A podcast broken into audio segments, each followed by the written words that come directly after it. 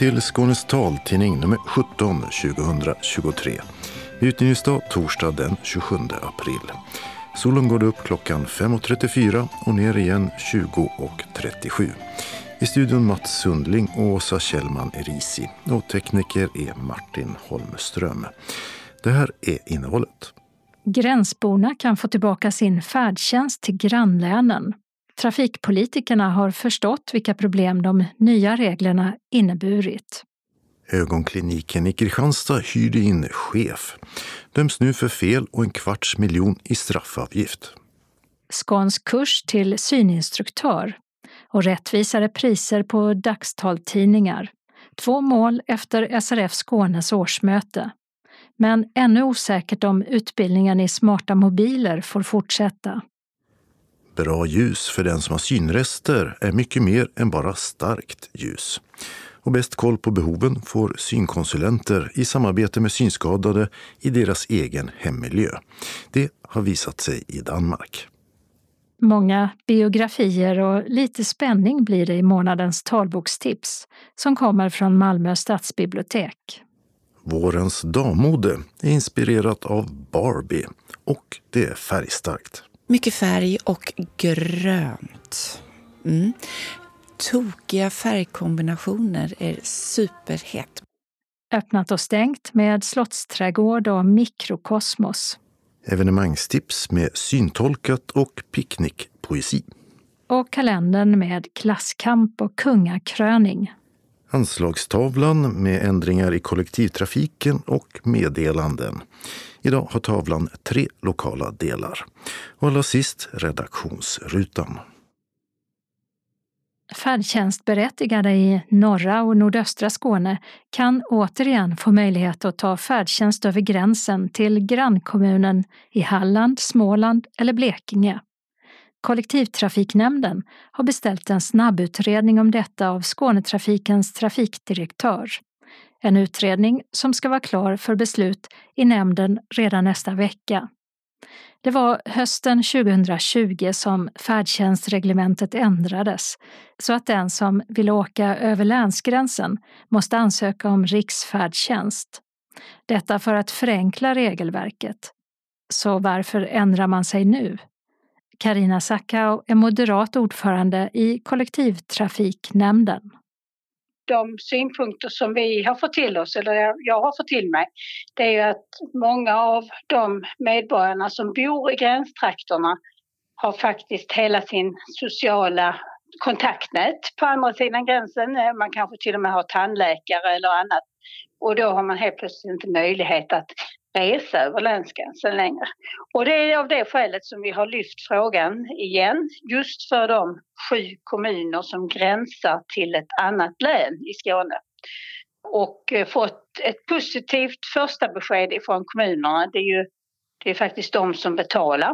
Och därefter så kommer vi nu gå, har, har vi gjort en snabbutredning och kommer också ta fram de eventuella kostnader som det kommer innebära för kommunerna.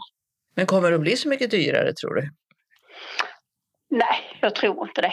Om jag ska vara riktigt, riktigt ärlig. Men vi ska vara ordentliga. Vi ska, vi ska inte göra fort och fel. Utan, men jag tror inte att eh, kostnaden är, eh, är den stora delen i detta. Nej, det är det inte.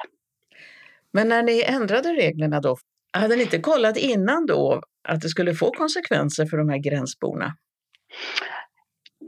Vid det tillfället så var det en, ett äh, önskemål eller ett, Eh, det, det förslaget som skrevs fram var att det skulle skrivas fram enhetligt för hela Skåne så som regelverket är utformat i färdtjänsten. Och det kan man väl tycka är bra men samtidigt så fick man också fick vi faktiskt de medskicken som vi fick ifrån, ifrån de medborgare som bor i de gränsnära orterna, att det här, vilken problematik det här medförde. Så av det skälet så har vi valt att lyfta det för, för just de sju kommunerna och det innebär att vi får ett, ett regelverk som inte är helt enhetligt men det tror vi att vi också kan hantera i Skånetrafiken. För när ni gjorde den första utvärderingen för ett par år sedan, mitt under coronan, då var det inte tal om att ändra några regler. Nej, och det kanske också var precis det som du säger. Det var mitt under corona och det är klart att då då fungerar ju inte trafiken på något vis.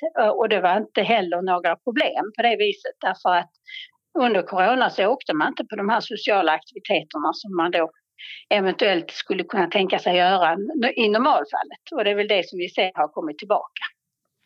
Funktionshinderorganisationerna var mycket kritiska när det nya reglementet infördes för två och ett halvt år sedan. Och SRF Skånes ombudsman Henrik Eld ser nu positivt på att politikerna backar ett steg. Det är ju skönt att man har lyssnat på oss och eh, föreslagit att eh, ett antal kommuner, gränsnära kommuner i norra Skåne återigen ska eh, tillåta resor över länsgränsen till närmaste större ort. Då. Eh, det blir ju inte som det var förut. Så att, eh, bor jag i eh, till exempel Hör så kommer jag inte få åka över länsgränsen till Markaryd. Utan det är de som bor i Hässleholm som kommer att få åka till Markaryd. De som bor i Kristianstad kommer att få åka till Sölvesborg och så vidare. Det är det som är förslaget och det är väl okej, okay, tycker jag. De nya reglerna om färdtjänst över gränsen kommer alltså enbart att gälla boende i Båstad, Ängelholm, Örkelljunga, Hässleholm, Osby, Kristianstad och Bromölla, säger Karina Sackau.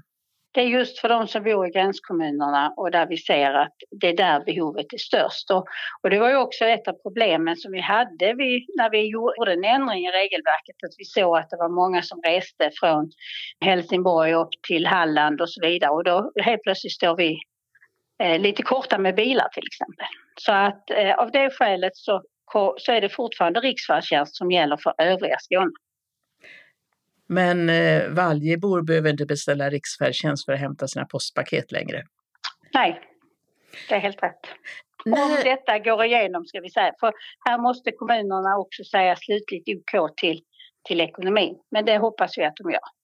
Kan det bli så att någon kommun säger nej och de andra säger ja? Kan det bli olika så eller måste alla? Vi, vi ser ju gärna att alla säger ja till detta. Och vi har inte heller fått några signaler från någon av kommunerna att det skulle finnas några tveksamheter. Och jag hoppas verkligen att vi, vi får ett ja från alla kommuner. Och sen får vi ju, om det skulle vara så att någon väljer att inte följa med på det här, det här erbjudandet så, så behöver vi ta en, en diskussion internt hur vi kan hantera det på ett bra sätt. När kan det träda i kraft då? Gissningsvis under hösten skulle jag kunna tänka mig. De borgerliga ledamöterna i kollektivtrafiknämnden beslutade med stöd av Sverigedemokraterna också att höja egenavgiften för färdtjänst och sjukresor med 5 procent. Den nya avgiften blir som lägst 32 kronor och som högst 143 kronor. Oppositionen ville nöja sig med en 2 i höjning. Resor över länsgränsen påverkar inte resenärens kostnad. Det blir samma taxor som i, i övriga Skåne så att det är baserat på kilometerpriset. Sa Karina Sackau, moderat ordförande i Region Skånes kollektivtrafiknämnd. Vi hörde också SRF Skånes ombudsman Henrik Eld. Och vi ska tillägga att rent formellt har kollektivtrafiknämnden beslutat att föreslå regionfullmäktige att höja egenavgiften med 5% en höjning som ska träda i kraft den 1 juli. Reporter var Birgitta Fredén och Mats Sundling. Förvaltningsrätten har dömt Region Skåne till att betala en upphandlingsskadeavgift på 250 000 kronor som straff för att Centralsjukhuset i Kristianstad, CSK, inte gjorde rätt när de 2021 hyrde in Anna-Karin Berglund som verksamhetschef vid ögonkliniken. Det skriver Kristianstadsbladet. Det var Konkurrensverket som gjorde anmälan för att hon hyrdes in från ledningsbolaget utan annonsering och utan att gällande ramavtal användes. Anledningen till att så skedde var tidsbrist enligt sjukhuschefen på CSK, Johan Kosmo. Kostnaden för tillsättandet uppgick till totalt 2,9 miljoner kronor. Domen kan överklagas. Fler syninstruktörer och rättvisare priser på dagstaltidningar. Ja, det var två uttalanden som Synskadades riksförbund i Skåne i lördags antog på sitt årsmöte på Stadthotell i Hässleholm. Ett möte utan längre diskussioner, för ovanlighetens skull får man säga. Mer som brukligt gick valet snabbt av SRF Skånes ordförande, för där fanns det bara en kandidat, Maria Torstensson. Finns det några andra förslag? Svar nej. Kan vi då välja Maria Torstensson till att vara ordförande? Ja. Någon emot? Svar nej. Maria är vald. Grattis! Tack för det.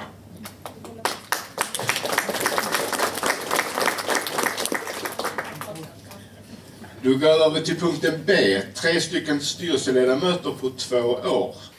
I valet av styrelse blev det mer spänning. Till de tre platserna fanns fyra kandidater. Anders Modell, Jonny Ekström och Lars Bergqvist som valberedningen föreslagit och så Torbjörn Sjörén från Kristianstad som flera på mötet pläderade för. Här Hans Olin. Jag skulle gärna vilja slå ett slag för Torbjörn Sjörén. Mannen som gav oss sina visa ord innan vi satte igång. Och Torbjörn har som meriter att han är medlem av valberedningen i detta distrikt. Han är också medlem av valberedningen i riket. Och så är han vice ordförande i Kristianstad. Och det, det tyder på att han har en god, ett gott nätverk. Och därför tror jag att vi skulle ha stor nytta av honom i styrelsen. Tack. Sen röstade de 43 ombuden med punktmärkta namnlappar som lades i kuvert. Och när de räknats visade det sig att Anders Modell fått allas röster. Jon Ekström något färre och den sista platsen i styrelsen gick till Torbjörn Sjörén som fick fler röster än valberedningens förslag Lars Bergqvist. Och Torbjörn Sjörén står bredvid här, en reslig karl i svart skinnpaj och svarta solglasögon. Eh, sportfrågan är, hur känns det? Ja, det känns helt underbart för att jag både hoppas och tror att jag har mycket att komma med, med mina idéer och kunskapen som jag har skaffat mig inom SRF under ja, fem, sex år som jag har varit med i olika styrelser och valberedningar på riks, distrikts och på lokalnivå. Så jag både hoppas och tror att det här ska bli riktigt bra. Vad vill du helst jobba med? Alltså medlemsrekrytering är ju jätteviktigt tycker jag. Att vi borde hitta de äldre som sitter på sin kammare i sin ensamhet och försöker föryngra vårt medlemsantal och försöker hitta de som är kanske i 40-45 års åldern. Det, det känns jätteviktigt och samtidigt att vi försöker binda samman våra lokalföreningar med distriktet på ett bättre sätt. Det känns lite idag som att varje lokalförening är en liten egen ö i Skåne. Utan vi, vi måste komma närmare varandra för att klara våra gemensamma mål. Mm. Komma närmare och fler medlemmar. Ja, hur då? Ja, genom att synas mer. Så jag kan ju bara ta Kristianstad som exempel som har ökat sitt medlemsantal från 70 till nästan 140 på fem år. Genom att synliggöra oss ute i samhället. Vi är scouterna, vi är med på olika mässor, vi är på skolor etc. Plus då att vi har mycket aktiviteter i lokalföreningen som ju också har gett ringar på vattnet så att mun mot mun så att vi har hittat fler medlemmar på det viset också. Förra årets verksamhetsberättelse och ekonomiska dito godkändes utan diskussion. Anna Balte slutredovisade projektet Från skola till arbete som hjälpt yngre synskadade med just det och projektet Grundutbildning smarta mobiler som SRF Skåne genomför med Region Skåne fick också det mycket uppskattning från mötet. Ett uttalande om behovet av syninstruktörer i kommunerna antog man också. Idag finns de bara kvar i Malmö. Och så ett uttalande om något nytt i sammanhanget. Rättvisa priser på taltidningar. Henrik Eld, ombudsman, vad handlade det om? Det handlar ju om att tidningarna får själva bestämma vilket pris det ska vara på dagstaltidningarna. Att vara synskadad är ju ett informationshandikapp. Det är svårt att ta del av medieutbudet. Vanliga människor som ser, de har tillgång till väldigt mycket nyheter på nätet så kallat. E-tidningar i eh, telefonerna och, och på datorn. Och vill man inte prenumerera på en e-tidning så är det väldigt mycket nyhetsmaterial som är är fritt eller som kostar ganska lite varje månad att prenumerera på. Men synskadade är lite grann utestängda för att det finns så mycket tillgänglighetsbrister. Så vi är ju då hänvisade till eh, Dagstaltidningen, den som så att säga är anpassad för synskadade. Och det är då den som är i talsyntesform? Ja, den läser man i en app i telefonen eller i, i en Daisy-spelare. Och där kompenserar ju myndigheten för tillgängliga media tidningarna fullt ut. Men i Skåne så är alla tidningar prissatta efter papperstidningen. Det maximala priset då helt enkelt? Ja, och det tycker vi är väldigt orättvist och eh, egentligen ganska obegripligt. Man kan ju förstå att det kanske har varit så historiskt om man tittar tillbaka många, många år. Men med den utvecklingen som har varit nu, där eh, alla tidningarna finns som e-tidning och, och där vanliga så kallade prenumeranter kan välja att prenumerera på en e-tidning, då är det ungefär halva priset mot papperstidningen. Och eftersom att de här dagstaltidningarna, det är ju en elektronisk tidning det också, som är, är ännu fattigare egentligen än vad e-tidningen är för att det saknas ju annonser och det saknas eh, bilder. Vi har ju bara tillgång till att få texten uppläst. Då tycker jag att dagstaltidningarna borde jämställas med e-tidningen eh, och därför borde prissättningen också vara densamma som för en e-tidning. Och detta håller också MTM, alltså Myndigheten för tillgängliga media, med om i sin utredning som de gjorde eh, 2021 på uppdrag av regeringen. Och så var årsmötet slut och vi har haft en eh, omvald ordförande, Maria Torstensson, efter ett årsmöte som gick ja, ganska fort och det var lugnt och stilla får man väl säga. Och trevligt. Inga stora diskussioner om någonting. Nej, det kändes som att de flesta var rätt nöjda med den informationen som vi hade skickat ut och med sättet vi har arbetat med våra frågor. Om du skulle välja av allt du tar med dig härifrån, vad tycker du är det viktigaste? Ja, eh, jag tänker på det som Torbjörn har pratat om och Carlotto också om det här med att vi ska försöka stärka distriktet, att få lokalföreningarna närmre distriktet med aktiviteter och med medlemmar och så vidare. Och sen så tycker jag naturligtvis, eh, rent intressepolitiskt, så tycker jag frågan om syn och hörselinstruktörer som vi arbetar tillsammans med Hörselskadades riksförbund, den ser vi en eventuell lösning på.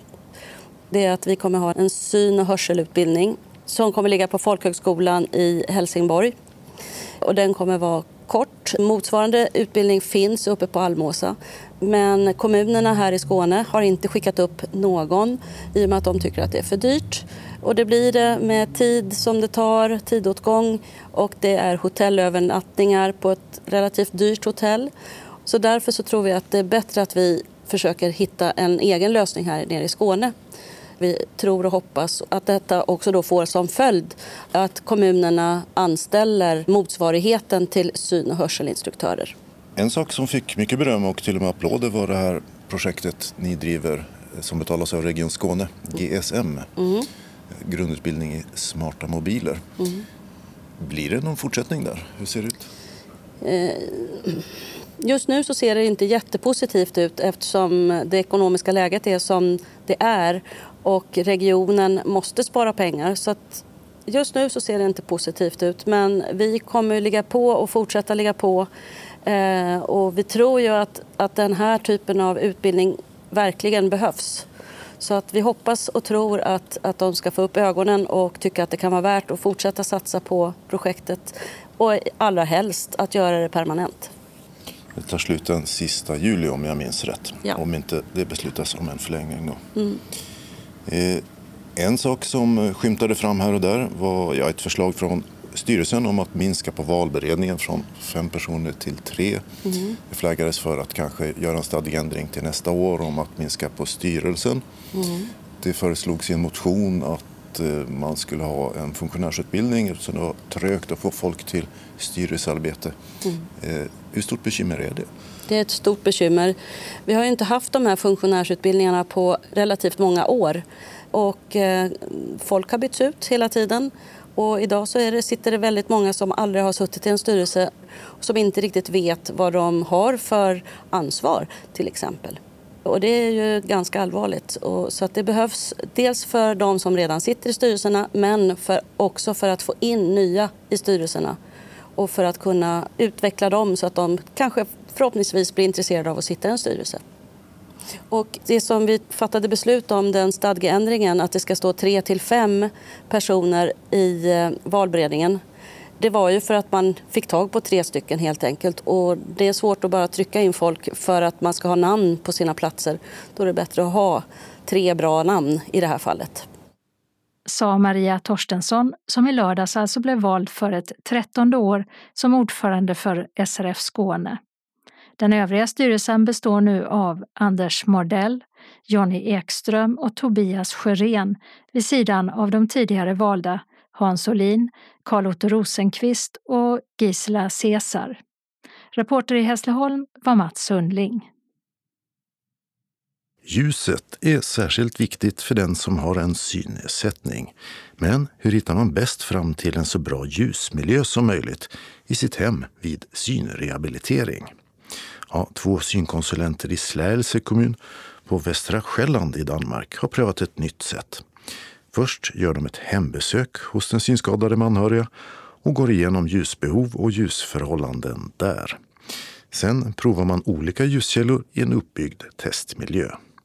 Och I samarbete med bostadsforskare har de skapat en metod som börjar sprida sig i Danmark.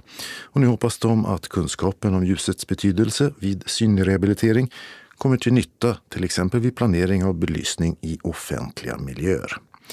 Arkitekten Turid Borgestrand Öjen är bostadsforskare vid Ålborgs universitet och bland annat ansvarig för forskningsprojektet Bättre ljus, mer liv.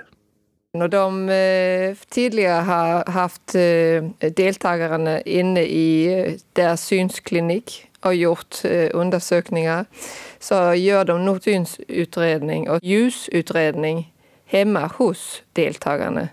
Och de kan se att det är jätteolika som eh, folk har användning för ljus. Det är olika aktiviteter och eh, folk har olika preferenser. Så det där med att byta ut kliniken med hemmet, det gör jättestor skillnad. De kommer mycket tättare på individen och får en individstillpassad rekommendation. En annan sak är ju att de har anhöriga med i processen så de får inblick i utmaningar som de har och kan hjälpa med att hitta lösningarna. Synkonsulenterna i Släelse har alltså utvecklat en metod för att bättre ta reda på vilka behov synskadade i deras upptagningsområde har när det gäller belysning i sina hem.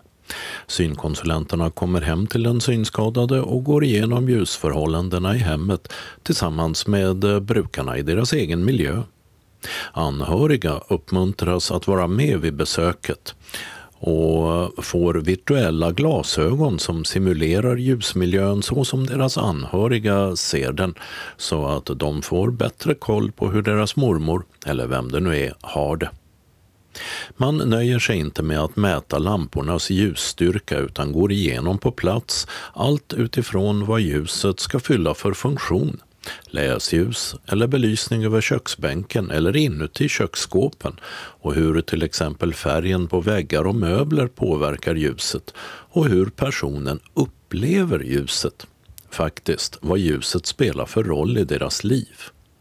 Sedan görs en genomgång till i ett ljuslaboratorium, bland annat med detaljkollar av hur olika typer av ljus upplevs av den synskadade, som dessutom kanske är mitt i en process att vänja sig vid hur deras syn förändras. Och Turid Borgestrand Öjen har i sin roll som forskare följt synkonsulenternas arbete. Jag har ju inte haft en roll i själva synrehabiliteringen. Mitt syfte har varit att beskriva vad de gör. Det som ligger i den professionelles praxis, alltså de värderingar och hänsyn som ligger egentligen bakom som de inte har varit särskilt goda till att beskriva.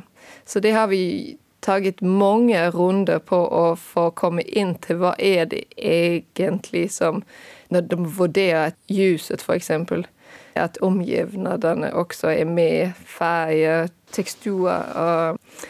Att det är mycket mer än bara en luxmätning. Både i förhållande till ljusvärderingarna men också i förhållande till eh, den här processen som deltagarna är igenom.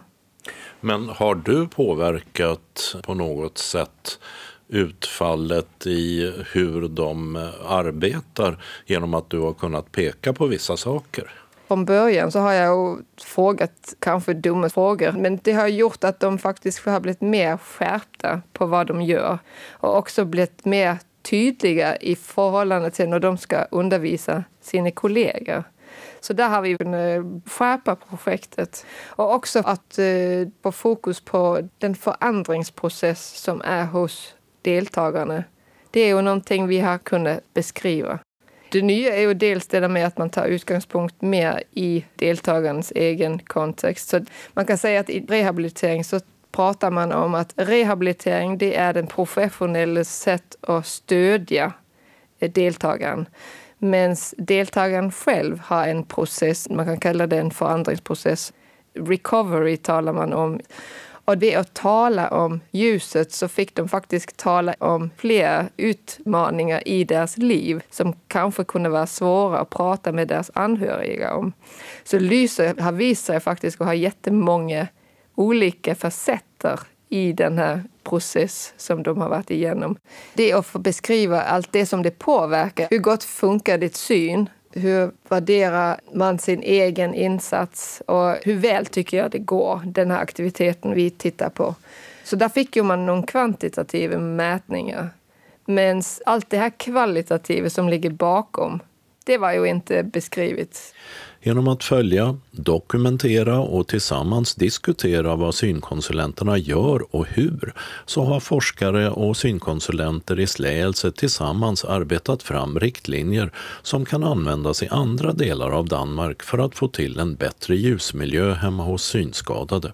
Och nu är Släelses konsulenter igång med upplärningen av kollegor. Och dessutom så kan det bli ringar på vattnet utanför synskadades vardag. Det hoppas Turit Borgestrand Öjen. Min roll har ju först och främst en betydning i att den här kunskapen ska vidare. För det är de här två som jobbar med belysning i projektet, de är ju experterna.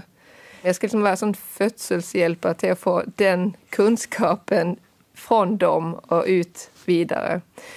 Jag är själv arkitekt så jag har också sett att projektet här är en jättekälla till kunskap över i mitt fält. Det som funkar jättebra för synskadade. I många tillfällen så funkar det jättebra för oss andra också. Det här med att tala om ljuskvalitet, att man ser det som en del av hur man använder sin omgivning. Där kan vi lära jättemycket av att se på den här gruppen också och få en bredare förståelse för eh, syn och hur understöttar vi syn. Vi önskar lyfta den här kunskapen vidare till arkitektur och ljusdesign. För det är klart, vi kommer ju inte att göra rehabilitering. Den kunskapen har vi inte och det är inte vår uppgift. Men vilka aspekter från den här metoden ger det mening att ta vidare som boligforskare? För det är fortfarande intressant för oss att veta mer om hur är det att bo och leva med en synsnedsättelse. Här pratade du ju om hur de ställer in, testar olika typer av ljus som ställs in för just en särskild person särskilda situationer, det är olika vad de håller på med för någonting. Går det att dra generella slutsatser ur det som är bra för alla? Man kan väl säga det är i alla fall eh, två sidor av den, det man kan träcka ut av det. Det ena är ju att man har själv som brukar ett hem så är man nödd att sätta sin egen prägel men också det där man ska vara bevisst om vad är det som funkar för mig. Och det gäller om du ser bra eller om du ser dåligt för lyset kan vara jättedåligt även om du ser gott. Och det andra är det, det här med att det här projektet visar ju att man, man ska ha olika ljus till olika situationer och olika aktiviteter. Understötta en social sammanhang eller hjälpa med att läsa. Och det tror jag också man kan bli mer bevisst om i belysning generellt. Det där med att eh, jättemånga, speciellt arbetsplatser, har en generell belysning men hur löser man den där specifika belysning som man också har användning för? Och vad har du lärt dig av att komma synskadades behov av ljus nära? Ja, men jag har också blivit jättemedveten om eh, mitt eget ljus där hemma. Så man kan säga att det där med att känna efter med sin kropp, det gäller oss alla. Och det är klart, för en som nästan inte kan se, som nästan inte har något syn kvar, för den kan det vara det avgörande om de överhuvudtaget kan se någonting. Men för mig kan det ju handla om att jag får ont i huvudet eller jag, får, jag blir trött. Så det där med att lyset kan understötta jättemånga olika funktioner faktiskt, som vi har användning för i löpet av en dag. Och på vilket sätt Eh, sprider sig nu kunskapen om det man har kommit fram till i Danmark mellan olika mottagningar och konkret inom professionen? Ja, man kan säga att vårt projekt har varit med till att beskriva mer systematiserat den de har utvecklat och som kan användas som argument för politiker för att säga okej, okay, det har, har faktiskt en betydning, det har en effekt. Men så kan man säga att eh, det har varit en delning av den här kunskapen de här två synskonsulenterna, de har ett projekt nu på två år. Det var sju av de andra centren, de får undervisning och de testade de här. Och det här hade inte skett på det sättet om inte forskningen hade gjorts? Det är ju svårt att undervisa någonting vidare hvis man inte hade fått skrivit ner. Så det, ja, man kan i alla fall säga att forskningen är med, också med till att hålla fast vad är det som är den här metoden. Det sa Turid Borgestrand Öjen, bostadsforskare vid Ålborgs universitet. Reporter var Dodo Parikas. Mycket biografiskt och lite spänning väntar i månadens talbokstips som kommer från Malmö stadsbibliotek. Tipsare är Maria Sandelin och Birgitta Lindberg som får börja. Mitt första tips är Ninni Schulmans Som vi lekte första delen i en helt ny serie som kallas Siljan-serien. Året är 1982 då den 12-årige pojken Mattias försvinner från sitt hem i den lilla byn Vomhus i Dalarna. Hans kläder och cykel hittas vid byns sjö, men där slutar alla spår. Ett år senare är han fortfarande försvunnen och polisen har avfärdat det som en drunkningsolycka. Samtidigt flyttar den före detta polisen Ingrid Wolt till Vomhus för att starta ett nytt liv efter att ha tillbringat tre år i fängelse. Att skaffa ett jobb är inte lätt med hennes bakgrund så för att kunna tjäna lite pengar så startar hon Siljans spaningsbyrå. Hon kontaktas av Mattias mamma som är helt nedbruten av sorg. Hon vägrar godta polisens slutsatser och vill att Ingrid undersöker saken.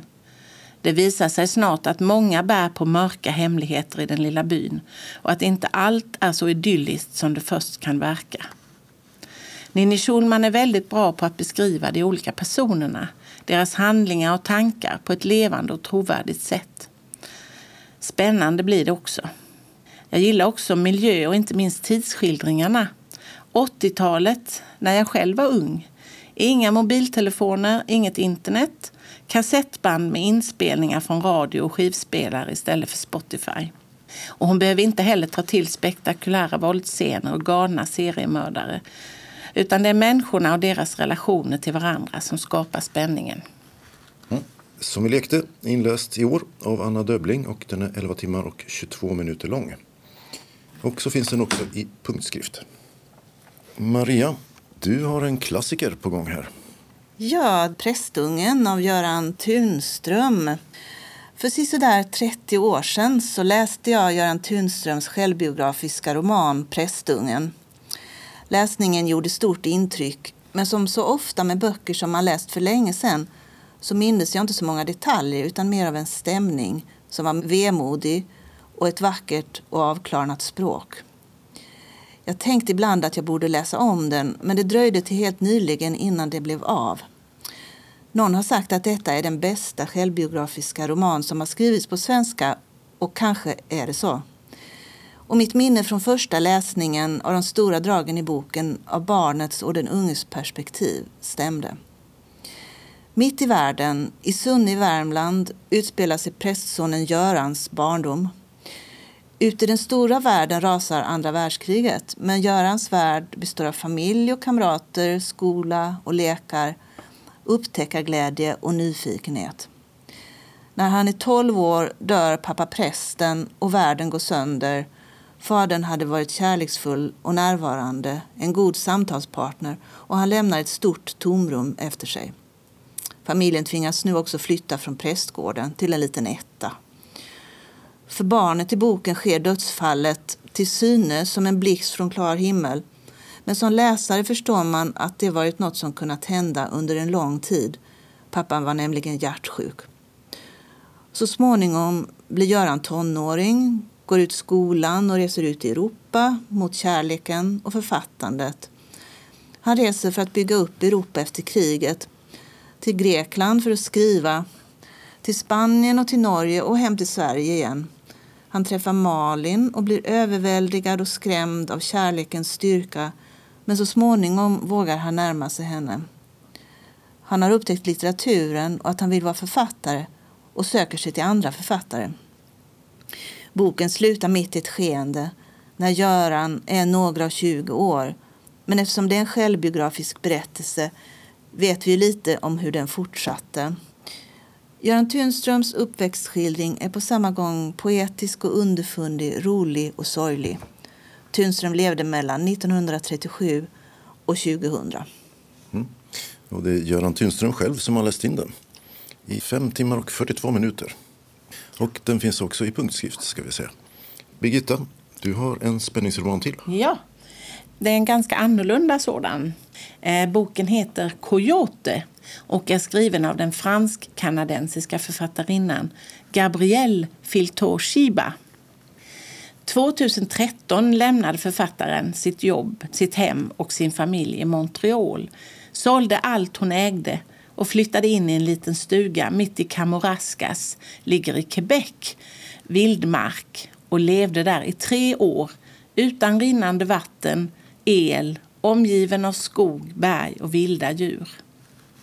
Här skrev hon också romanen Coyote som utspelar sig just i Kamoraska där viltvårdaren Rafael lever ensam med sin hund i en husvagn. Hon älskar sitt ensliga jobb nära naturen och långt bort från sin familj där hon känner sig som en främling. Hon, den enda i familjen som liknar sin gammelfarmor Marie-Ange, Micmac-indianen. Här finns svartbjörn, rödlo och inte minst prärievarg, coyote, som ligger henne särskilt varmt om hjärtat. De vilda djuren skrämmer henne inte men när hon en dag hittar sin älskade hund, Coyote, svårt skadad i en tjuvjägares fälla och upptäcker att hon själv har varit övervakad inser hon att en annan slags rovdjur härjar i skogen. En tjuvjägare som inte nöjer sig med att jaga djur utan nu också har fått vittring på henne. Den här boken doftar av vildmark, mildsvida skogar, brusande fossar och höga berg. Och den är också en stridsskrift mot människans rovdrift på djur och natur. Och en fin kärlekshistoria vävs också fint in i handlingen.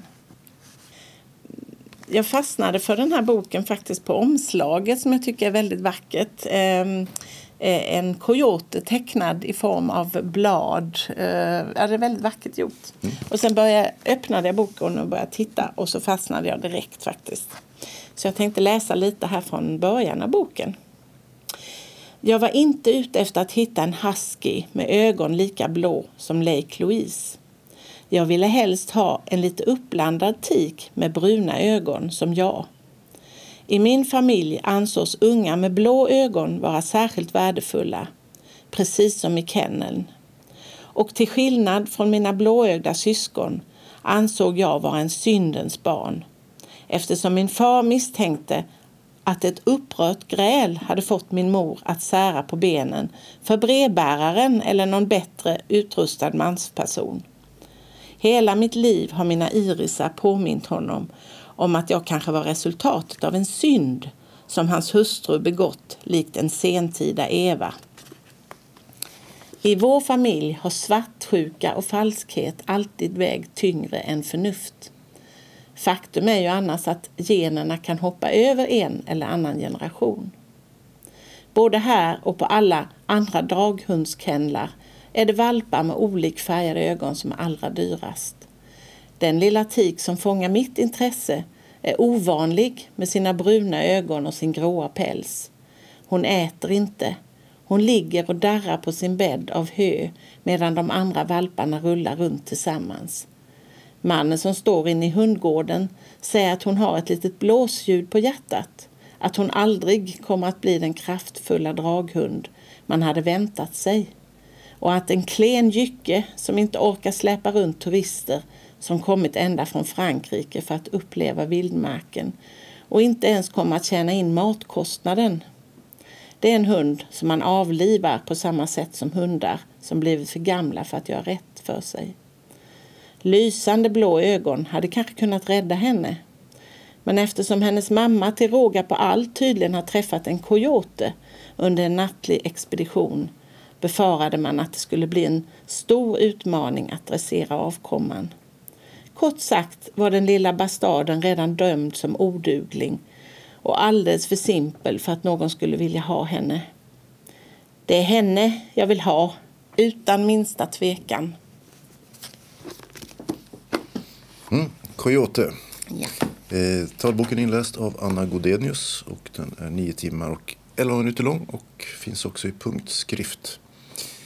Maria, biografier av Yvonne Hirdman. Ja, just det. Yvonne Hirdman är historieprofessorn som sagt att hela hennes forskarkarriär var en omväg för att komma fram till det som hon gör nu som pensionär, nämligen att skriva biografier. Och kombinationen av intresse för människor och djupa historiska kunskaper gör böckerna livfulla och fängslande. Hon gör samtidshistorien levande och får läsaren att reflektera över vad vi vet om det som pågår medan det pågår. Hennes senaste bok kom ut i höstas och heter Från de stora drömmarnas tid anteckningar om fattigdom, kärlek och bildningshunger och handlar om författarens farföräldrar Maj och Gunnar Hirdman som båda kom från fattiga förhållanden och förenades i drömmar om ett annat samhälle och om att leva ett annat liv än det som var dem givet. Maj blir så småningom författare och Gunnar en av folkbildningspionjärerna i Sverige. Deras kärlekshistoria vindlar fram och tillbaka och är aldrig självklar. Båda var komplicerade personligheter. I världen pågår världskrig och revolutioner och nya idéer får fäste och allt avhandlas i den enorma brevväxling som Yvonne Hirdman tagit del av.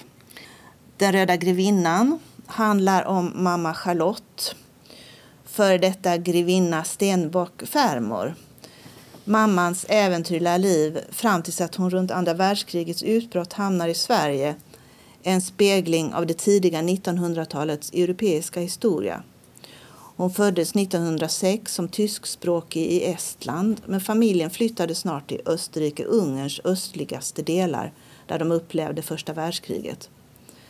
Under Weimarrepublikens sista år var Charlotte gift med en fattig greve i Berlin men förälskade sig i en kommunist och flydde med honom till Moskva där han 1937 blev offer för Stalins utrensningar. Hon lyckades ta sig ut och fick så småningom ett odramatiskt liv i Sverige. Och sen har vi Medan jag var ung, egohistoria från 1900-talet. Det är Yvonne Hirdmans självbiografi den blir en illustration till den genusteori som hon som historieprofessor lanserar i Sverige. Oavsett självtvivel och motiga fördomar i omgivningen tar hon sig fram, ibland till sin egen förvåning. I eh, boken Lent kändes regnets fall mot min hand medan barnen brann i Berlin finns Yvonne Hirdmans mamma med igen som ett du som läser Dagens Nyheter våren 1945 och drömmer om fred, hoppas, gläds och chockeras över det som förmedlas av tidningen. Det handlar om krigsslutet som drar ut på tiden men också om det andra livet som löper parallellt. Om recept, hjärtespalter och inrikespolitik. Som läsare blir man fångad och upplever sig vara där och då. Vi kan nämna då att Från de stora drömmarnas tid inläst av Elisabeth Thorborg som talbok, 13 timmar och 5 minuter. Och den finns också i punkt. Och samma inläsare är det på Den röda grevinnan. Den är 18 timmar och 35 minuter lång. Och finns också i punkt. Medan jag var ung, inläst av Lo Torsdotter i 15 timmar och 8 minuter och Lent kändes regnets fall och så vidare. Inläst av Kim Redin i 10 timmar och 12 minuter. Och de två sista finns inte i punkt. Och så går vi över till Birgitta och det sista talbokstipset. Och då ska vi till Albanien. Det stämmer. Lea Ypi heter författarinnan till mitt nästa boktips. Fri, en uppväxt vid historiens slut. Året är 1990 när den stalinistiska regimen i Albanien faller och för den 11-åriga Lea Ypi ställs hela tillvaron på ända. Allt hon trott på visar sig vara en lögn och inte minst hennes egen familj har hemligheter de dolt för henne under hela hennes uppväxt. De har inte alls, som hon tyckt, att de lever i världens bästa land under ledning av den snälle farbror Enver. Deras bakgrund som intellektuell överklass med konfiskerade egendomar och fängslade släktingar är inget Lea känner till. Allt för att Lea ska skyddas och kunna känna sig trygg. Nu kommer friheten, men den har ett högt pris. Raserade strukturer, dålig ekonomi och massarbetslöshet är bara en del av problemen. Och vad spelar det för roll om det till skillnad från tidigare finns varor att köpa i affärerna när man ändå inte har några pengar? Eller som Lea skriver. Friheten som kom var som en kall maträtt. Vi tog några tuggor, svalde snabbt och förblev hungriga.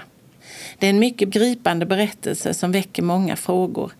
Inte minst den stora frågan, vad är egentligen frihet? Kanske är det en fråga om moralisk frihet, friheten att kunna fatta rätt beslut.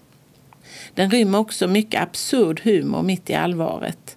Till exempel berättelsen om hur en förmodat stulen tom Coca-Cola-burk som var en mycket eftertraktad statuspryl i dåtidens Albanien nästan innebär slutet för en långvarig vänskap mellan två familjer.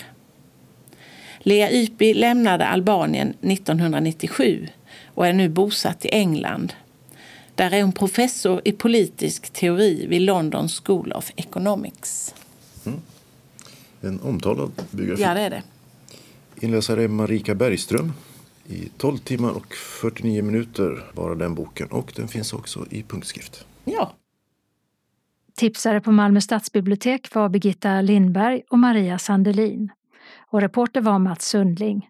Böckerna de tipsade om var alltså Ninni Schulman, som vi lekte.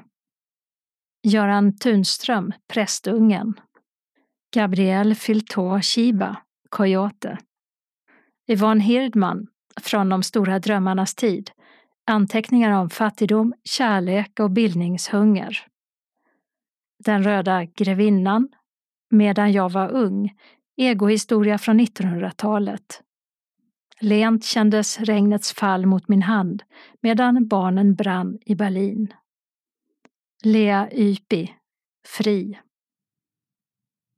Lika förvånande är det varje år när våren slår till med full kraft. Och det är också då man kanske öppnar garderoben och tänker att man behöver något nytt och fräscht. Taltidningen har tagit tempen på årets vårmode för damer. Kristina, som arbetar i en damklädesaffär i Malmö, berättar vad som är allra hetast i vår. Mycket färg och grönt. Mm. Tokiga färgkombinationer är superhett. Man blandar grönt och blått, grönt och gult. Eh, man blandar lite rosa, lite orange och lite lila. Så som man egentligen inte ska göra? Absolut, absolut. Eh, och kanske ganska mycket enfärgat när man väl börjar eh, blanda ihop färgerna så att man inte har supermycket mönster utan att det är enfärgat och lite tokiga, glada färger. Om du skulle beskriva vad du har på dig, för du är ju väldigt färgstark idag. Ja, det är jag. Och jag har den här äh, vårens ärtgröna färg på mig. Och då har jag gröna byxor och en grön skjorta. Och sen har jag ett utav vårens nyckelplagg, vilket är jeansjackan. Åh, oh, jag kan ta fram min gamla jeansjacka. Det kan man absolut göra. Ju äldre desto bättre skulle jag vilja säga. Åh, oh, vad lycklig jag blir. Men du, och så hänger skjortan hänger nedanför jackan. Ja, det gör den. Och man måste absolut inte ha jackan eh, perfekt eh, i förhållande till byxorna. Utan det kan gärna vara lite, lite lager på lager och eh, skönt. Det ska vara skönt och bekvämt.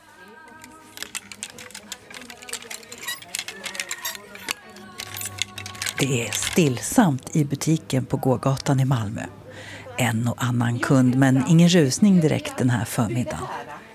Desto vildare är det på galgar och hyllor. Jag skulle beskriva det som en enorm färgexplosion. Jag läser modemagasinen och förstår att inspirationen kommer från ingen mindre än Barbie. I juli har nämligen den nya Barbie-filmen premiär med Margot Robbie i huvudrollen som Barbie. Och det är här de starka färgerna dyker upp.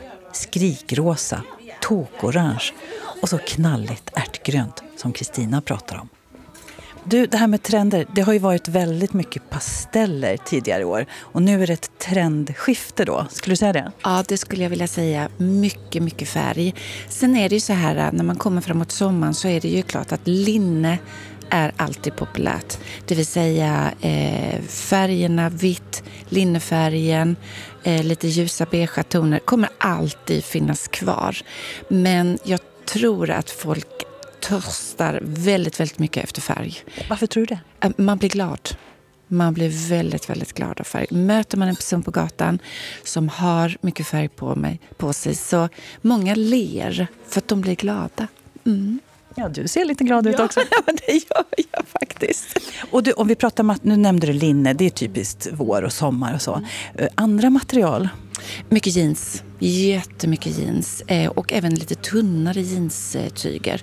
Eh, så att det är svalt och skönt på sommaren. Men, men eh, mycket jeans. Sen givetvis viskos och lite tunna sköna plagg. Mm. Midjehöjd på byxor och sånt då? Oh, det är alla alla olika. Men, men mina kunder tycker om när byxan sitter fint på kroppen. Det vill säga att den ska vara utifrån din egen kroppstyp. Så att här pratar vi inte om jättevida byxor.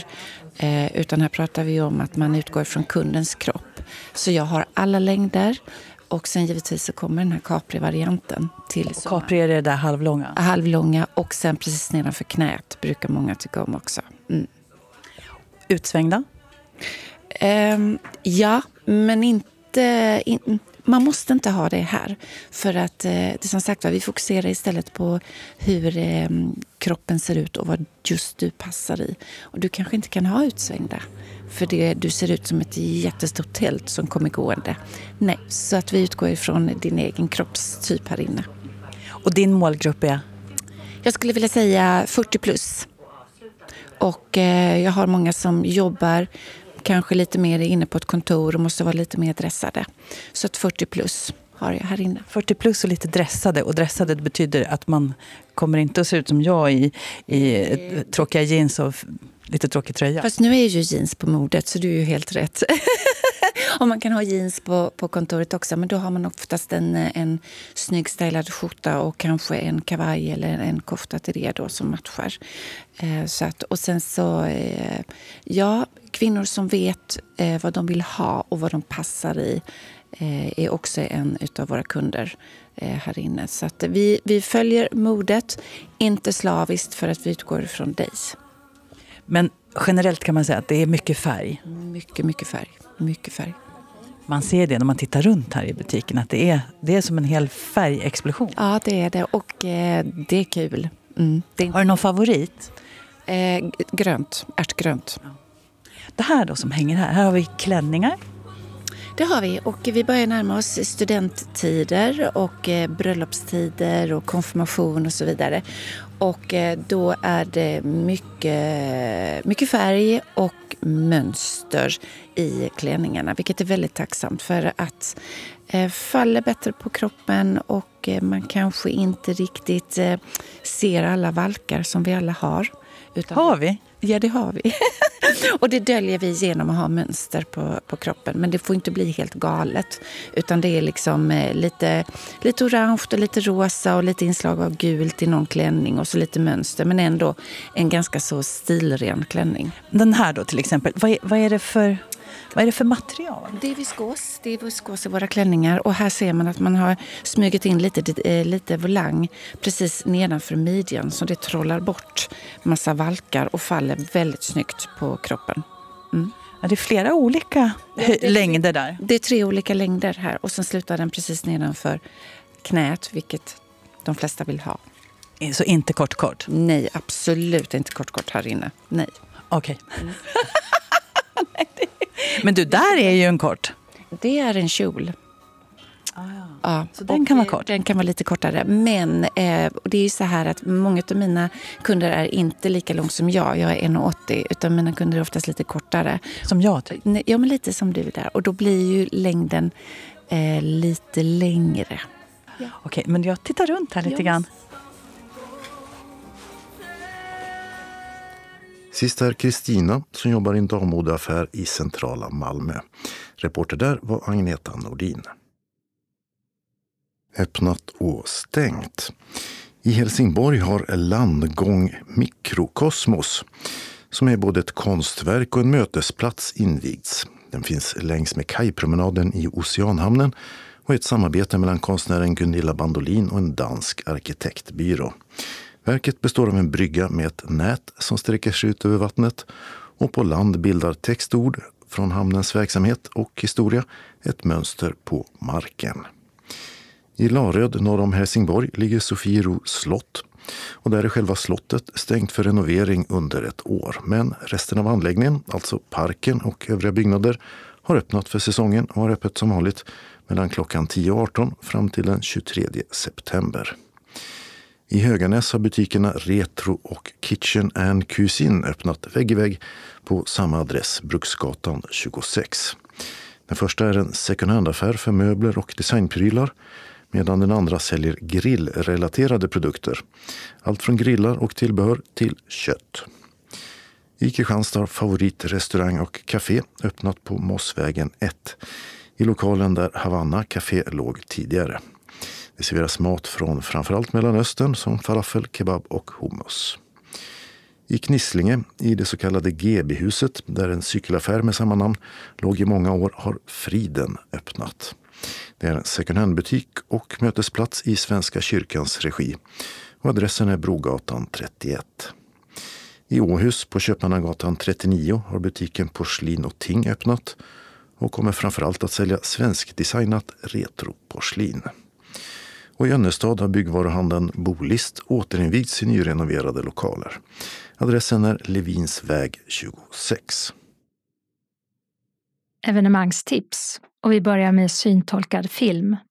Dokumentären På Hvitfeldtska bodde vi har fått syntolkning och uppläst text för bio.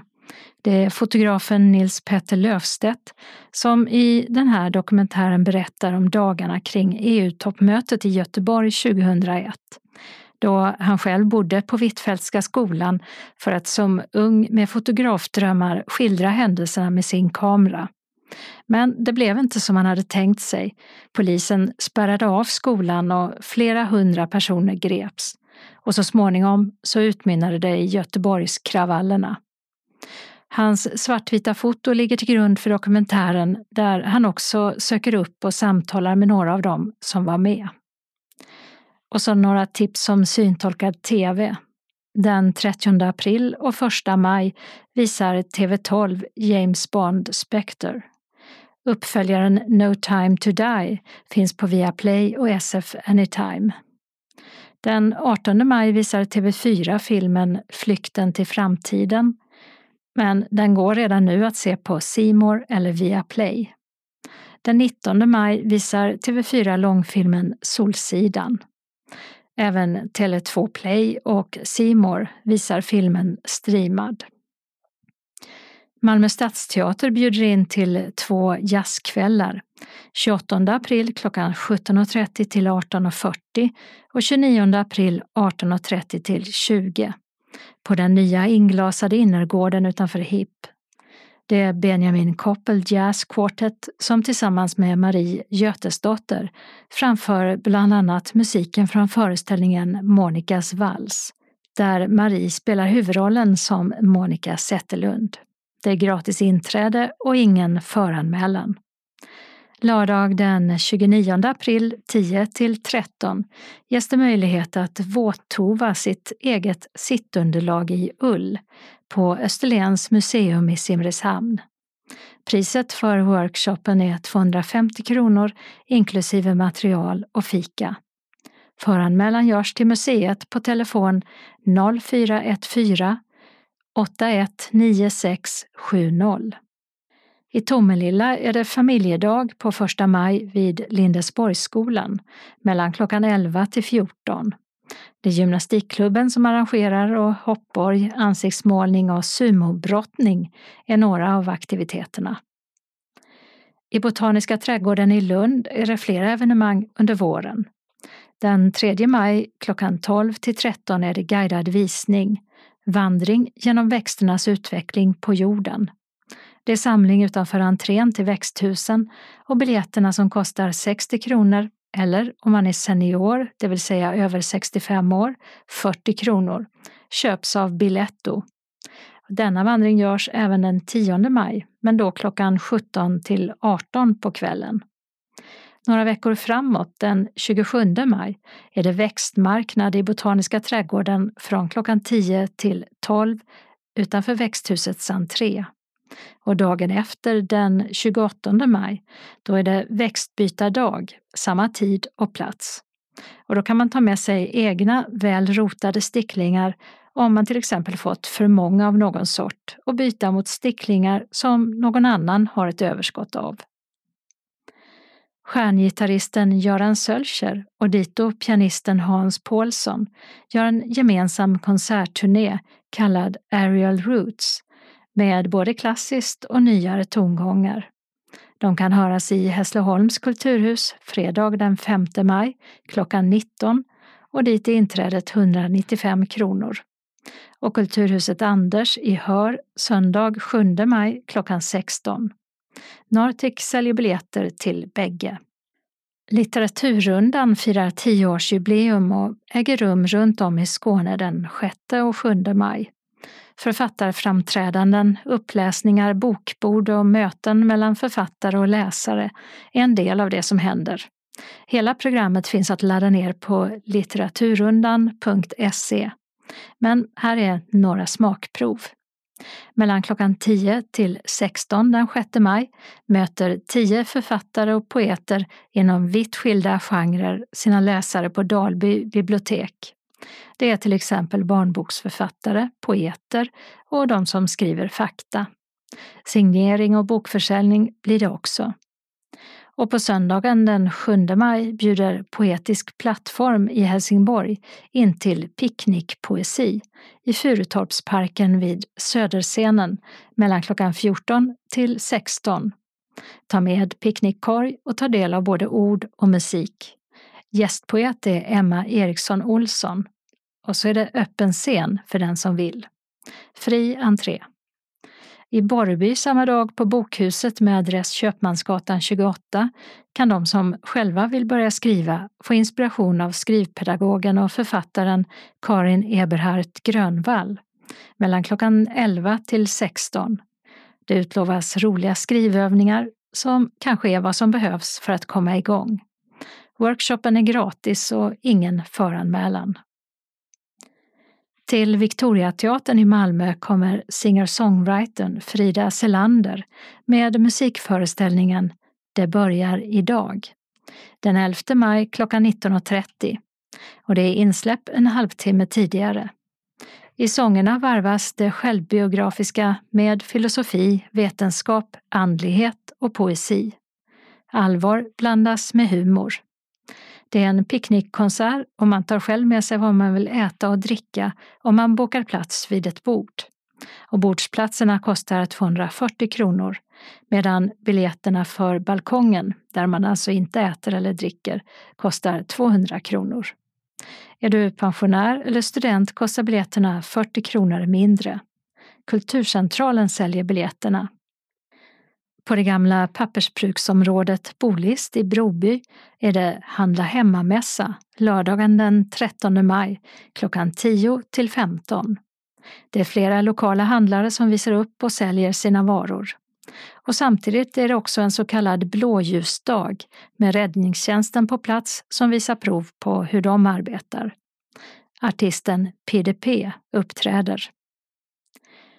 Biljettinformation Malmö stadsteater 040 20 86 10 Nartic 0455 61 97 00 Kulturcentralen 040 1030 20 Kalendern vecka 18 börjar med måndagen 1 maj då Valborg har namnsdag. Vintern rasat ut och dö Himlen ler i vårens ljusa solen kysser i skog och sjö Snart är sommaren här i purpurvågor kungen Och i Lund kan man lyssna till studentsångarna som sjunger in våren från universitetshusets trappa i Lundagård framåt kvällen och som även direktsänds i Sveriges Television. Medan andra toner ljuder på gator och torg under dagen i många städer.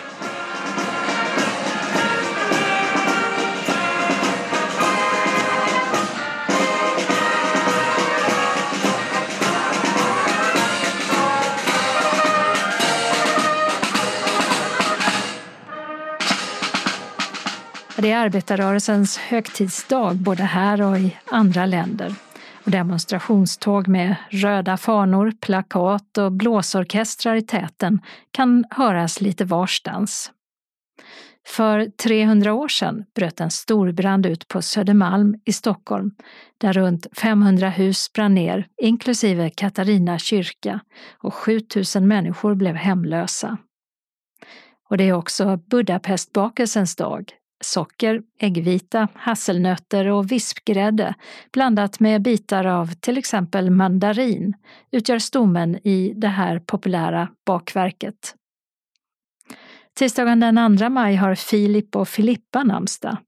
Det är sista dagen att deklarera och i Malmö hålls ett EU-möte med nationella narkotikasamordnare.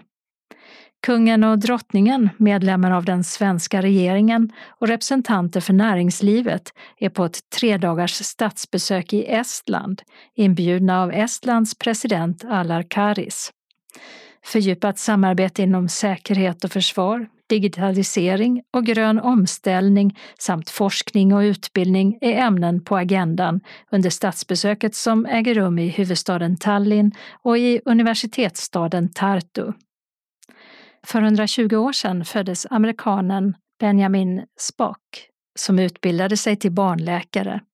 Hans bok Sunt förnuft i barnavård är en av världens mest sålda böcker efter Bibeln och har kommit ut i ett flertal upplagor i Sverige. Och första gången den kom ut här, det var 1948. Och hans uppfostringsidéer var inte alls så stränga som tidigare utan tog mer hänsyn till det lilla barnets behov och drifter när det gällde till exempel mat och sömn. I Konserthuset i Stockholm tar den amerikanska författaren Laurie Halls Anderson emot Astrid Lindgren-priset som är på 5 miljoner kronor. Och priset instiftades 2002 av regeringen för att värna barns rätt till bra berättelser. Onsdagen den 3 maj heter namnsdagsbarnen John och Jane. Det är världsdagen för pressfrihet som instiftades av FNs generalförsamling för 30 år sedan. Den instiftades för att hedra offren för kampen för pressfrihet och uppmärksamma världens regeringar på att det inte råder full pressfrihet överallt. Torsdagen den 4 maj då är det Monica och Mona som firar namnsdag. I riksdagen är det debatt om flera olika förslag från klockan 12 på dagen och som direktsänds via webb-tv. Det handlar om familjepolitik, mänskliga rättigheter och hälso och sjukvårdsfrågor, där en av punkterna är ett friare Sverige för människor med funktionsnedsättning. En annan punkt, en äldreomsorg med trygghet och valfrihet i hela landet och även ett kunskapscentrum om post-covid debatteras bland flera frågor. Fredagen den 5 maj har Gotthard och Erhard namnsdag. Det är friidrottstävlingen Diamond League i Doha och dagen efter tävlar man i Shanghai. Diamond League består totalt av 13 deltävlingar. Det är 210 år sedan den danske filosofen, teologen och författaren Sören Kierkegaard föddes. Han ses som en av de mest inflytelserika filosoferna i Norden och levde i Köpenhamn. Ett av hans främsta verk bär titeln Antingen eller. Kierkegaard dog 1855, 42 år gammal. Och den brittiske komikern Michael Palin fyller 80 år. Han var en av medlemmarna i humorgruppen Monty Python, men är också manusförfattare, skådespelare och programledare. Lördagen den 6 maj, då kröns kung Charles III i Westminster Abbey i London och samtidigt blir Camilla drottning. Totalt har 2000 gäster bjudits in och från Sverige deltar kung Karl XVI Gustav och kronprinsessan Victoria. Sveriges Television sänder kröningen från klockan 11 på förmiddagen. I Storbritannien fyller också den förre premiärministern och Labour-politikern Tony Blair 70 år. Och så är det första dagen av cykeltävlingen Giro d'Italia som håller på till den 28 maj. Namnsdagsbarn är Marit och Rita. Och söndagen den 7 maj då har Karina och Carita namnsdag. Judo-VM börjar i Qatars huvudstad Doha och i bilsportens Formel 1 tävlas det i Miami, Florida under två dagar. Anslagstavlan för hela Skåne innehåller idag inga inbjudningar utan bara ändringar i kollektivtrafiken och då den regionala. Tågen först. Alla tåg mellan Ystad och Simrishamn är inställda i helgen från lördag 29 april klockan 01.30 till måndag den 1 maj klockan 4.15. Bussar ersätter via alla mellanstationer och under tider då många reser går också bussar som kör direkt mellan Ystad och Simrishamn. Bussarna så. I Skanör vägarbetar man på bangången fram till den 30 april klockan 16. Hållplatsen Skanör centrum, läge A och C är stängd. Och regionbuss 300 resenärer hänvisas till hållplatsen Triangeln som ligger 500 meter söderut på Falsterbovägen. Eller hållplatsen Stefan Lövings väg som ligger cirka 600 meter österut på Gässlinge Kroksvägen. Och till den senare hållplatsen hänvisas också de som åker med Skåneexpressen 15. I Skurup har ett arbete flyttat på regionbuss 305s hållplats Dalaled B, 50 meter bakåt i körriktningen. Och där ska den stå till den 15 maj klockan 16. I Abbekås i samma kommun har man stängt regionbuss 190 hållplats Abbekås D i riktning mot Ystad och ställt upp en tillfällig stolpe 150 meter åt sydväst på Kustvägen. Och så ska det vara där till den sista maj klockan 16. I Staffanstorp ska man asfaltera om på regionbuss 166 hållplats Önsvala läge A. Men en ersättare ställs från den 2 maj klockan 7 till den 5 maj klockan 16 ut på andra sidan Kronoslättsvägen. Så man kan kliva på innan bussen vänder mot Lund till. Den lokala delen för norra Skåne börjar med en inbjudan från SRF Kristianstad Bromölla till en resa till Sofiero slott i Helsingborg fredag den 26 maj. Buss utgår från Kulturpunkten i Bromölla klockan 07.00.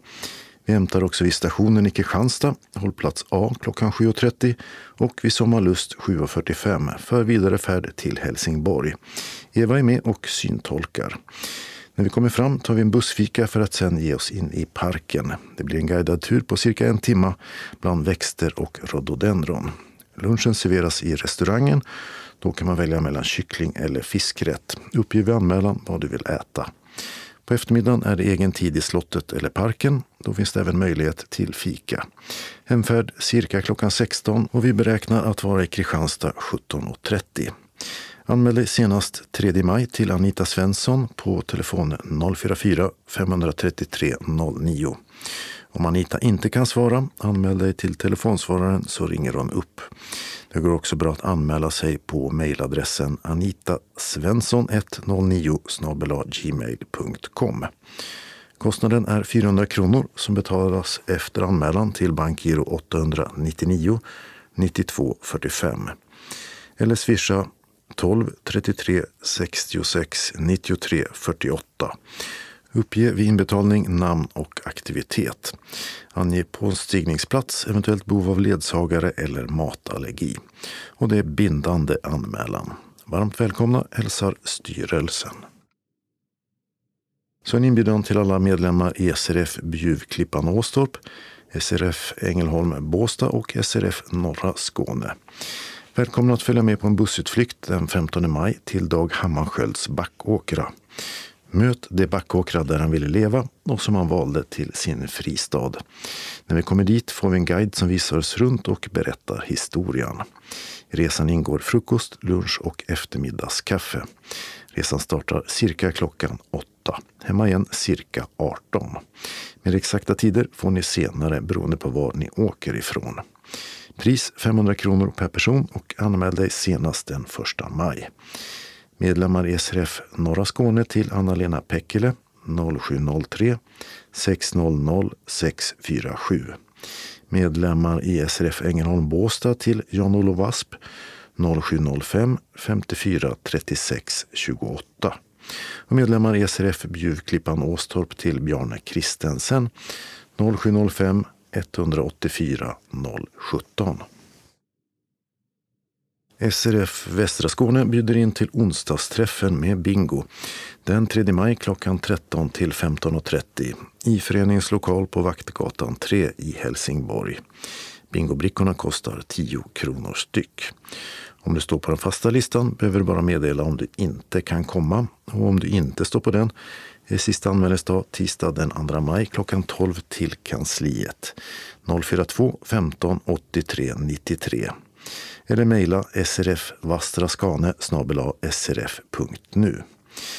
SRF Västra Skåne bjuder också in till månadsmöte tisdag den 9 maj klockan 14 till 16 i SRFs lokal. Det blir vanliga mötesförhandlingar och Marcus Ekdahl, chef för HD, kommer för att berätta om journalistik och just HD. Sista anmälningsdag hit är måndag den 8 maj klockan 12 till kansliet. Fikavgift bägge gångerna är 30 kronor. Välkommen! Och vi avslutar med några tillfälliga ändringar i den lokala busstrafiken. I Helsingborg har man börjat vägarbeta på Hortensiagatan, vilket stängs stadsbuss 24 hållplats Ramlösa gården läge C. Fram till den 16 juni klockan 16 finns en tillfällig stolpe på den korsande Gustavslundsvägen cirka 50 meter åt nordväst. Och I Helsingborg fortsätter ett arbete på Drottninggatan som vi tidigare berättat om. Men en del blev klar tidigare än beräknat och stadsbuss 8 hållplats Tågagatan är nu öppen som vanligt igen. Anslagstavlan för mellersta och sydöstra Skåne innehåller två inbjudningar från SRF Lundabygden. Först till en författarträff den 3 maj med rubriken Varför vi tycker att det är spännande. Vi vill så gärna att det ska gå bra för vår favoritkaraktär. Vi kan till och med känna en saknad när boken är slut. Råkar det bara bli så eller finns det ett knep för att fånga lyssnare och läsare? Författaren Katrin Heinestam, som givit ut spänningsromanerna Kidnappad och Hämnden, berättar om vad det är som fängslar och varför, samt läser ur sina böcker. Vi samlas klockan 18 och avslutar 21.00. Under kvällen bjuds även på fika. Du anmäler dig till kansliet på 046 211 06 74 eller till lundabygden srf.nu. Sista anmälningsdag är den 1 maj. SRF Lundabygden bjuder också in till bussutflykt till Vattenriket den 3 juni. Välkommen att kliva på bussen på turisthållplats Bangatan vid Clemenstorget utanför ICA Malmborgs i Lund. Samma påstigning som förra bussresan. Vi samlas klockan 9.15 och bussen avgår 9.30. Det finns möjlighet för påstigning även i Kävlinge. Tid meddelas senare. Vi färdas mot vattenriket och Naturum i Kristianstad. När vi anländer väntar en båttur på cirka 90 minuter med guidning och fika. Därefter blir lunch på Naturum. Efter maten träffas vi i hörsalen för en ny guidning. Vi stiger på bussen igen och nästa och sista stopp blir Degeberga hembygdspark. Nu är det tid för eftermiddagskaffe och guidning om deras verksamhet. Vi beräknar anlända Lund klockan 17.30. Under bussresan kommer orter, kultur och natur beskrivas. Alla guiderna har lovat bra syntolkning. Kläder efter väder. Du anmäler dig till kansliet senast den 25 maj. När du anmäler dig, meddela om du önskar kött, fisk, vegetariskt eller specialkost. Vid frågor kontakta Anders på 073 804 2201. Deltagaravgiften är 200 kronor som du betalar in på vårt bankgiro 506-9992 eller via swish 123 587 82 44. Glöm inte att skriva ditt namn och datum för aktiviteten. Varmt välkommen för en dag runt Kristianstad kommun. Vi avslutar med en lokal ändring i busstrafiken. I Lund går ett bygge vid Råbylundsvägen vidare till en andra etapp och samma hållplats är för stadsbuss 5 som sedan i höstas fortsätter vara stängda, men nu med delvis andra ersättare fram till den 2 juni klockan 16. Hållplatsen Guldåkerstorget ersätts nu av en tillfällig stolpe cirka 600 meter i nordvästlig riktning på Dalbyvägen. Medan hållplatsen Diakongatan lägger av fortsätter ersättas av ändhållplatsen Robbilund som alternativ. Diakongatan B ersätts av en tillfällig stolpe cirka 230 meter österut på Pilgrimsvägen. Och stängd för första gången är hållplatsen Skiffervägen läge B med hänvisning till den tillfälliga skiffervägen läge X som finns cirka 130 meter norrut på Porfyrvägen. Anslagstavlan för sydvästra Skåne innehåller inbjudningar från Malmö blindförening och SRF Malmö Svedala samt ett par lokala ändringar i busstrafiken. Malmö blindförening hälsar både gamla och nya medlemmar hjärtligt välkomna till Samkväm i Annebergsgårdens matsal på Annebergsgatan 15A i Malmö söndag den 7 maj mellan klockan 16 och 18. För underhållningen svarar Alf Evergreen Band. Hemresa med färdtjänst ska beställas hemifrån till klockan 18. Hjärtligt välkomna! SRF Malmö Svedala välkomnar till sin dagverksamhet. Måndag den 1 maj är den dock inställd. Tisdag den 2 maj blir det bingo och fika mellan klockan 13 och 15 och 15. Vi serverar kaffe och smörgås eller kaka för 10 kronor. Och man anmäler sig till kansliet om man tänker komma senast klockan 10 samma dag. SRF Malmö Svedala bjuder också in till sopplunch på föreningen. Fredag den 5 maj klockan 13. Innan vi äter kommer Johanna Wirén att tala om sin nya post som ombudsman. Vi bjuder på thaisoppa med kyckling och avslutar med kaffe och kaka. Är du medlem får allt det här för 50 kronor. Övriga betalar 70 kronor. Färdtjänsthem kan beställas till klockan 15.30. Och vill du vara med så anmäl dig på telefon 040-25 05 40 eller mejla info srfmalmo.se senast tisdag den 2 maj. Varmt välkomna hälsar styrelsen. Och vi avslutar med några tillfälliga ändringar i busstrafiken i Malmö. Där började i veckan ett arbete på Drottninggatan som stängts stadsbuss 31 hållplats Rörsjöparken i bägge riktningar fram till den 5 maj klockan 15. Närmsta alternativ är hållplatsen Paulibron cirka 400 meter åt sydväst. Och på Karlsgatan gör man samma sak med stadsbuss 31 och 32 hållplatser Malmö C norra och Frihamnen. Med hållplatsen Malmö C på Busstorget söder om Centralen som ersättare fram till den 12 maj klockan 15. Och det beskedet blev det sista i veckans Skånes taltidning. Nästa nummer nästa torsdag den 4 maj. Skånes taltidning ges ut av Region Skånes psykiatri och habiliteringsförvaltning. Ansvarig utgivare är Martin Holmström. Postadress Jörgen Ankersgatan 12, 211 45 Malmö.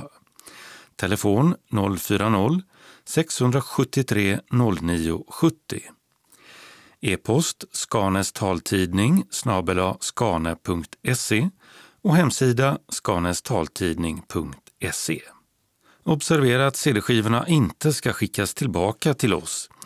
Såväl skivor som kuvert kan läggas i brännbara sopor när ni inte längre vill ha dem.